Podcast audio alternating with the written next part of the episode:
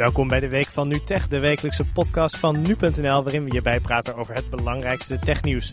Ik ben Jeroen Kraan. En ik ben Colin van Hoek en deze week gaan we het uiteraard hebben over Apple versus de FBI. Uh, de Amerikaanse rechter heeft besloten dat Apple een telefoon van een terrorist moet kraken, maar Apple weigert dat. En daarnaast hebben we het ook nog even over de fusie van Ziggo en Vodafone in Nederland. Dit is de Week van NuTech. Laten we beginnen met Apple. Uh, inderdaad een, een, grote zaak uh, deze week. Uh, handgeschreven brief, wou ik bijna zeggen. Dat is niet helemaal waar. Maar hoogstpersoonlijk een brief van Tim Cook ja. aan de FBI en aan de rest van de wereld.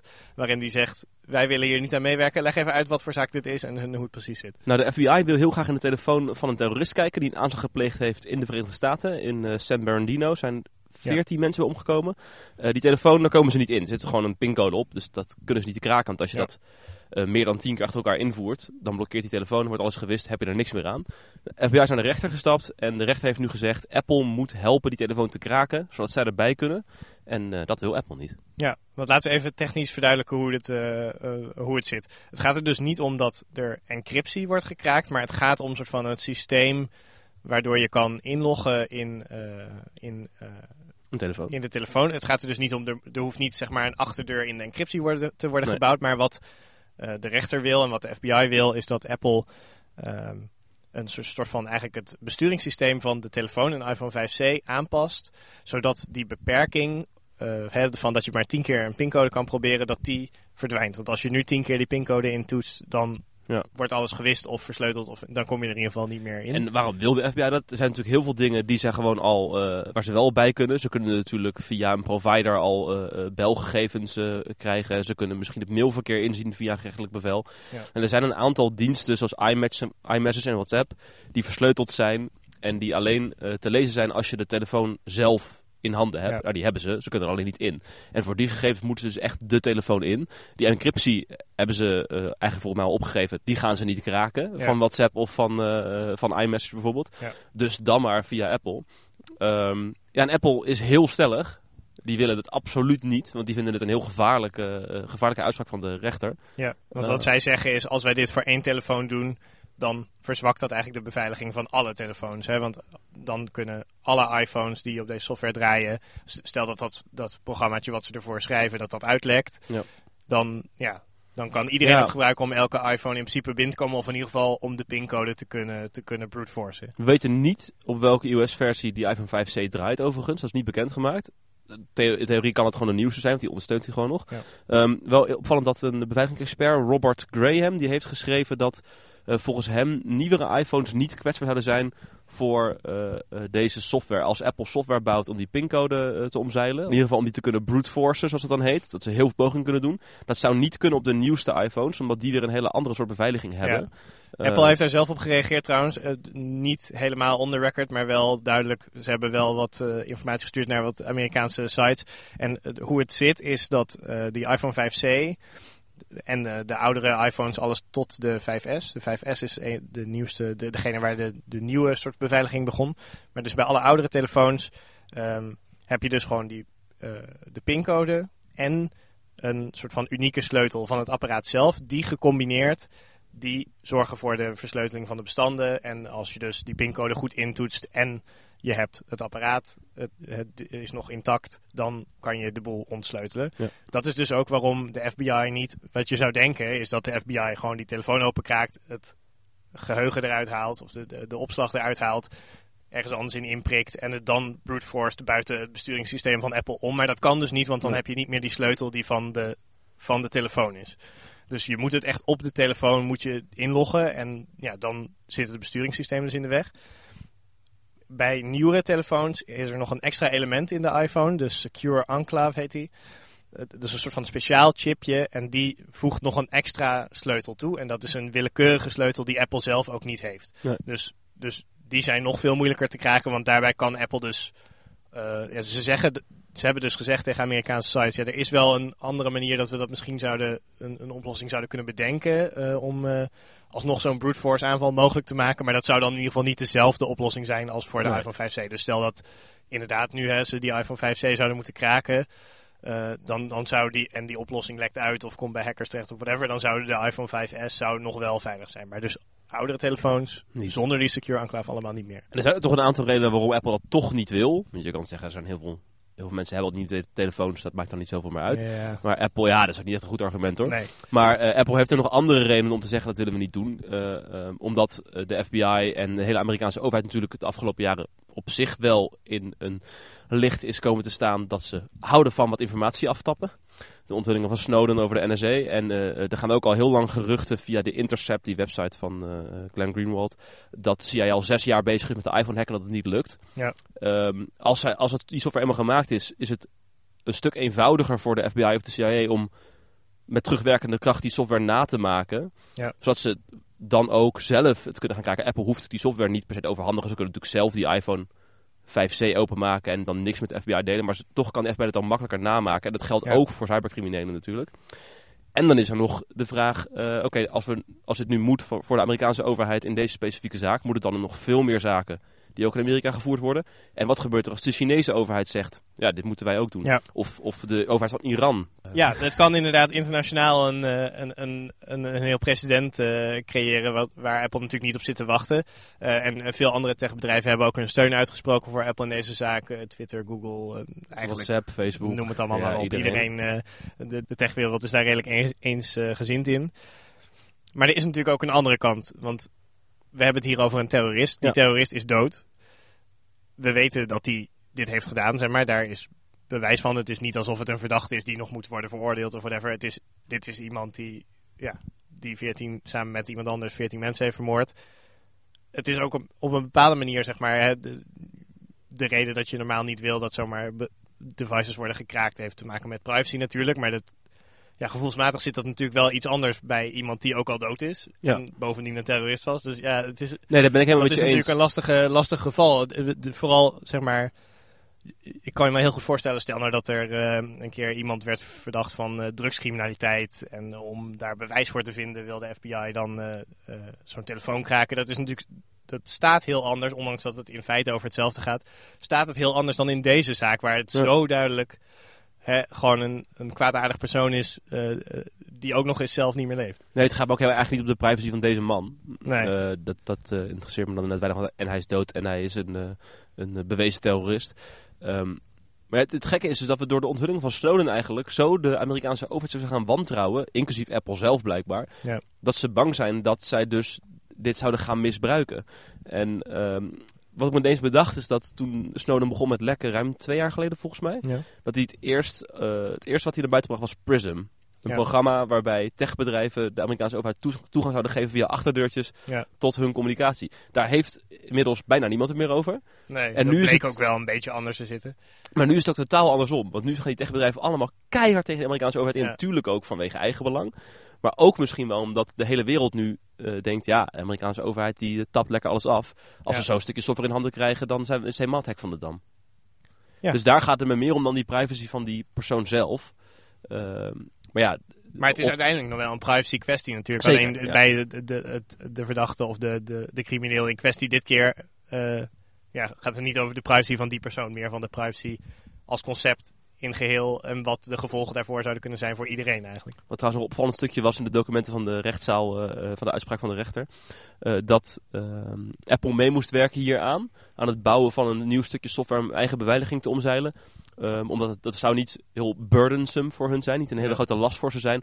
Omdat ze toch al software maakten. Het is echt een kul argument natuurlijk. Want, oh, je maakt software, dus dan kan je alle software maken die wij jou willen laten opdragen. Dat vond ik een opmerkelijk eh, argument. Maar ik denk wel bij mezelf. Ik bedoel, Apple kan software maken en is een heel slim bedrijf. Er zitten ook slimme mensen in de Amerikaanse overheid. Ze moeten toch samen wel tot een eh, afspraak kunnen komen waarbij alles gewaarborgd is. Dat het, eh, dat het niet in handen kan komen van anderen. Ik, ik zou niet weten hoe. Ik ben niet die persoon. Maar Ja. ja, moet, moet dat niet kunnen, denk je? Dat, het, dat ze dus wel die iPhone kunnen kraken, maar dat het... Ik heb geen idee. Ik denk ja, de beste manier om dat te doen zou zijn inderdaad dus dat, dat Apple die software maakt, gewoon die telefoon krijgt van de FBI, het uitvoert en dan gewoon de data die erop stond terugstuurt naar de FBI. Maar ja, dat wilde ik. Ik kan ook wel vanuit de FBI zien dat zij dat niet willen, want Ja. zij willen natuurlijk een bepaalde garantie dat inderdaad ze echt alles Alle krijgen wat erop stond. En niet dat er nog iemand tussen daar mee kan gaan zitten. en dan heb je nog steeds Hannessen. is er nog steeds sprake van een, eh, eh, van een president bij de, bij de rechtbank, waar andere rechters Ja. in de toekomst naartoe Ja, daar zit. Apple natuurlijk helemaal niet op te wachten. Nee, want je, dat is constant, ook, je weet, zelfs als je in deze, dit geval zou denken, oké ja, het kan wel. Je weet niet hoe ver in de toekomst rechters dat door gaan zetten. En Wel, wat voor gevallen ze dit allemaal moeten gaan doen. Ja, dat, ja ik eh, kan me voorstellen dat ze daar eh, bepaald niet op zitten te wachten. Het is nog niet officieel aangekondigd, maar het lijkt inmiddels wel zeker dat Apple een beroep gaat. Anders schrijft eh, Tim Cook niet zo'n stellige brief. Ehm, dat beroep wordt dus wel aangetekend. Wanneer het gaat dienen en hoe lang dit toch voortgelepen is niet duidelijk. Maar het laatste is hier in ieder geval nog zeker niet over gezegd. En eerder deze week nog groot Nederlands nieuws. Ziggo gaat samen met Vodafone Nederland. Het is geen overname, het is een soort fusie. Hoewel ze dat woord Ook zelf ook niet willen gebruiken. Nee. Maar ze gaan in ieder geval samenwerken op de Nederlandse markt. Onder, weet nog niet welke naam. Nee. En dan gaan ze eh, een totaalpakket aanbieden van mobiele en eh, vaste diensten. Ja, ze richten een, een joint venture op, een gezamenlijke onderneming. eh, waarbij Vodafone, ze krijgen allebei, het is 50-50, 50%, van de aandelen in handen allebei. Dus Liberty Global is het moederbedrijf van Ziggo en Vodafone. Ehm, en Vodafone moet daarvoor nog even een miljardje cash bijleggen, want die zijn wat minder waard ehm, in Nederland. En ja, inderdaad, het idee is dus, KPN groeit de laatste tijd. Met name lijkt dit omdat zij eh, eh, internet voor thuis en eh, mobiel internet samen kunnen aanbieden als een heel pakket. Wat je dan En tv in, en telefonie. hè? TV en telefonie, dat is dan dus met die vier diensten, internet, vast, mobiel, tv, telefonie, dat is wat ze dan noemen quad play. Ja. En ja, dat kan Ziggo nu wel soort van aanbieden, want ze hebben een mobiele provider, virtuele provider via Ja. het netwerk van Vodafone al. Er ja, zitten die- nog geen 200.000 mensen op. Nee, en die, ja, je blijft met zo'n met virtuele providers, wat je ook ziet met eh, eh, Ben of eh, dat soort dingen. Zeg maar, je, als je afhankelijk bent van iemand anders netwerk, ja, dan kan je toch nooit echt helemaal lekker concurreren. Je hebt het niet zelf in handen. En daar Ja. willen ze dus vanaf. En nu is dus inderdaad de bedoeling dat aan het eind van dit jaar of begin volgend jaar het mogelijk gaat worden om bij dit nieuwe bedrijf, wat met nog onbekende naam, in één keer zo'n pakket af te sluiten. En dat ze dus, eh, ja, het is vooral gericht tegen KPN, die eh, moet hiermee. eh, Ja, ik sprak die woordvoerder van Vodafone ook nog deze week. En het was ook wel duidelijk dat KPN het doel is. Want er is natuurlijk ook wat zorg over de, over de concurrentie op de markt. UPC en Ziggo zijn samengegaan. Dat is één geworden. Dus één partij in Nederland die de kabel bezit. En dan heb je KPN nog, die doet alles. En dan heb je nog Vodafone en T-Mobile en Tele2 op de mobiele markt als spelers. Vodafone gaat daar nu dus weg. Gaat samen met Ziggo. Dus je hebt nu twee grote spelers, KPN en Ziggo Vodafone, hoe ze ook gaan heten. Ja. Ehm, dus de minister zei ook wel van, nou, we moeten wel eens gaan kijken of, eh, of er niet nieuwe Europese regels moeten komen eh, eh, die die concurrentie wat beter garanderen. Bijvoorbeeld door de kabel open te stellen, dat andere partijen dus ook van het kabelnetwerk van Ziggo gebruik mogen gaan maken. Ehm, en toen belde ik Vodafone daarover om te vragen van wat zij ervan vonden. Hè. Is, er nou, is er nou minder concurrentie en eh, hoe zien zij dat zelf? Zij zeggen dat er meer concurrentie is. Er zijn twee partijen samengegaan, maar er is meer concurrentie. Want Vodafone kon eh, tegen KPN niet op in zijn eentje. Want ze hadden alleen mobiel en dan ze hadden ook een klein beetje vast internet, maar dat nam Ja. niemand af. Ziggo die kon niet goed tegen KPN, want ze hadden eh, wel vast internet en tv en telefonie, maar mobiel waren ze heel klein. En samen kunnen ze veel beter tegen KPN. Dat Maar is leuk bedacht. ja, dat is leuk bedacht, maar uiteindelijk worden twee concurrenten één concurrent. En die Ja. kunnen net zo goed concurreren. Die ene concurrent kan net zo goed concurreren als die twee concurrenten los. En dan kunnen ze het beter.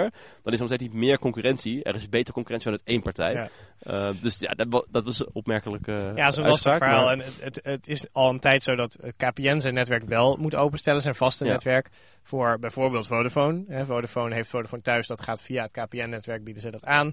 Eh, en Tele2, vast internet van Tele2 onder meer, gaat ook via, via KPN. Maar Ziggo hoeft dat inderdaad niet. En eh, minister Kamp van Economische Zaken wil dus inderdaad al een tijd dat dat wel gebeurt. Maar daarvoor moeten Europese regels worden aangepast. En dat is best wel een lastig verhaal. Want als dat dus gebeurt, dan heeft dat in één keer gevolgen voor alle Europese landen waar niet per se deze situatie eh, Ja. bestaat. Dus de vraag is een beetje of, of, of dat er iets kan worden geregeld specifiek voor Nederland. Maar dat is natuurlijk iets wat ze in Brussel meestal niet echt zien zitten. Want dat willen ze liever overkoepelend regelen. Of dat, eh, eh, dat Kamp en eh, de zijnen zo overtuigend moeten zijn dat ze die hele Europese regels op de schop krijgen. En daar is nu wel een soort van consultatie over gaande. Maar ja, ja, in Europa, je weet hoe dat gaat, dat duurt sowieso jaren. Zeker als dat voor heel Europa moet gaan veranderen. Dus voorlopig is het wel een beetje onduidelijk hoe dat, eh, hoe dat verder zal gaan. En dan krijg je hier dus nu een systeem waar je twee giganten hebt. Uh, inderdaad met mobiel en vast. Ja, en dan daarnaast nog T-Mobile en Tele2 met losse mobiele netwerken. Ja. En die twee zullen hier echt uh, niet blij mee zijn. Nee, kijk, en T-Mobile heeft nog een soort van naam en heel grote klantenbestand.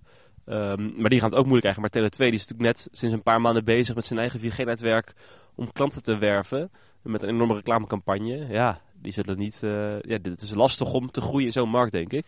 Ja, hoewel ik aan de andere kant dan ik weer denk van Tele2, uit hun uh, meest recente kwartaalcijfers blijkt wel dat het nog niet echt storm loopt op nee. het nieuwe 4G-netwerk van ze. Maar aan de andere kant denk ik wel, zij hebben wel de mogelijkheid om keihard te gaan prijsstunten en ja. maar, maar, maar het op die manier te proberen. Terwijl T-Mobile zit nog ja, met veel hogere kosten, zit met dat oude netwerk en die ja, die gaan het wel echt moeilijk krijgen, denk ik. En ze staan ook in de verkoop, T-Mobile Nederland. Deutsche ja. Telekom wil er vanaf.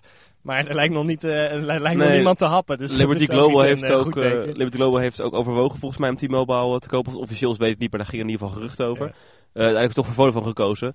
En blijkbaar is er nog geen andere partij die staat te springen. Zeker niet in zo'n markt die er nu is, denk ik. Ja. dan, dan is het... Ja, of, of, voor heel weinig geld. En dat wil T-Mobile natuurlijk ook weer niet. Um, wat heel veel mensen natuurlijk willen weten is wat gaat het voor mij dan uh, betekenen dat Vodafone en Ziggo samen zijn gegaan? Gaan de prijzen omlaag? Gaan de andere abonnementen komen? Heb ik zo meteen als Ziggo-klant ineens Vodafone uh, internet? Uh, hoe zit dit? Dat is allemaal nog niet bekend. Ze hebben nee. die joint venture aangekondigd, maar er is nog helemaal niets bekend over, over het aanbod. Um, over prijzen of, of over hoe het met huidige klanten zit. Dat wordt allemaal pas later dit jaar bekendgemaakt. Dus het is nu vooral nog een aankondiging. En de details volgen pas veel later dit jaar. Zondag uh, barst het Mobile World Congress weer los in uh, Barcelona. Eigenlijk officieel pas maandag, maar allerlei bedrijven doen zondag al hun aankondiging. Onder meer Samsung en LG. En ik heb het idee, er, ja, er zijn al elk jaar op die beurs wel uh, leuke dingen. Dit jaar waarschijnlijk de Galaxy S7, de LG G5. Maar echt heel spectaculair lijkt het nog niet te worden. Nee, bedoel je dan niet spectaculair qua het aantal aankondigingen, dat de aankondigingen zelf gewoon niet zo boeiend zijn? Nou, die aankondigingen zelf, dat weet ik allemaal nog niet natuurlijk. Dat nee, moeten we nog maar zien. Maar ik heb het idee dat behalve dan die telefoons van Samsung en LG... weet ik niet of er eigenlijk nog verder wel iets komt uh, Nee, Microsoft heeft geen persconferentie. HTC heeft wel een soort bijeenkomst, maar, maar verwachten we ook niet echt heel veel van. Nee, en uh, Sony heeft wel een persconferentie, maar ik denk niet dat ze hun nieuwe Xperia telefoon daar gaan laten zien. Misschien een tablet of zo. Huawei gaan geruchten dat hun grote aankondiging uitgesteld is. Dus dat, die, dat ze ze hebben nog wel een persconferentie. Ja, Misschien dus gaan ze daar gewoon doen. anderhalf uur uh, het publiek vermaken met een show. Of zo. Zou op zich niet uh, gek zijn voor dat bedrijf. uh, dus nee, ja, het lijkt inderdaad wat minder te worden. Um, misschien toch vooral op de trends focussen. 5G, daar ga je vast een ja. mooi stukje over tikken. Ja, 5G lijkt dit jaar eindelijk wel wat schot in te komen inderdaad. Er zijn verschillende bedrijven die een eerste pogingen van technologie daarvoor te gaan tonen. En dat moet ook wel, want men wil dat 2020, 21, 22 gaan uitrollen. Dus dan moet je nu wel een beetje gaan bedenken wat voor technologie je dan eigenlijk wil gaan gebruiken. Uh, en uh, ja, er, er, daar wordt wel van alles over getoond. Er is ook weer een bijeenkomst van alle hoge bobo's die, uh, die standaarden maken en zo. En de, de, afgelopen twee jaar zit dat steeds een beetje vast. Of zaten ze in ieder geval zo erg in voorbereidend stadium dat ze elke keer maar zeiden van ja, oké, ja, we willen 5G gaan maken we kijken ernaar en niemand kon echt meer, uh, uh, uh, meer daarover zeggen. Maar het lijkt nu toch wel een beetje naar een meer praktisch stadium te komen. Dus volgende week een allesverklarend stuk van jouw hand. En zondag dus de, de grootste aankondigingen die uiteraard op Betaald te volgen zijn. Ehm, vanaf ergens begin van de middag beginnen de eerste persconferenties, denk ik.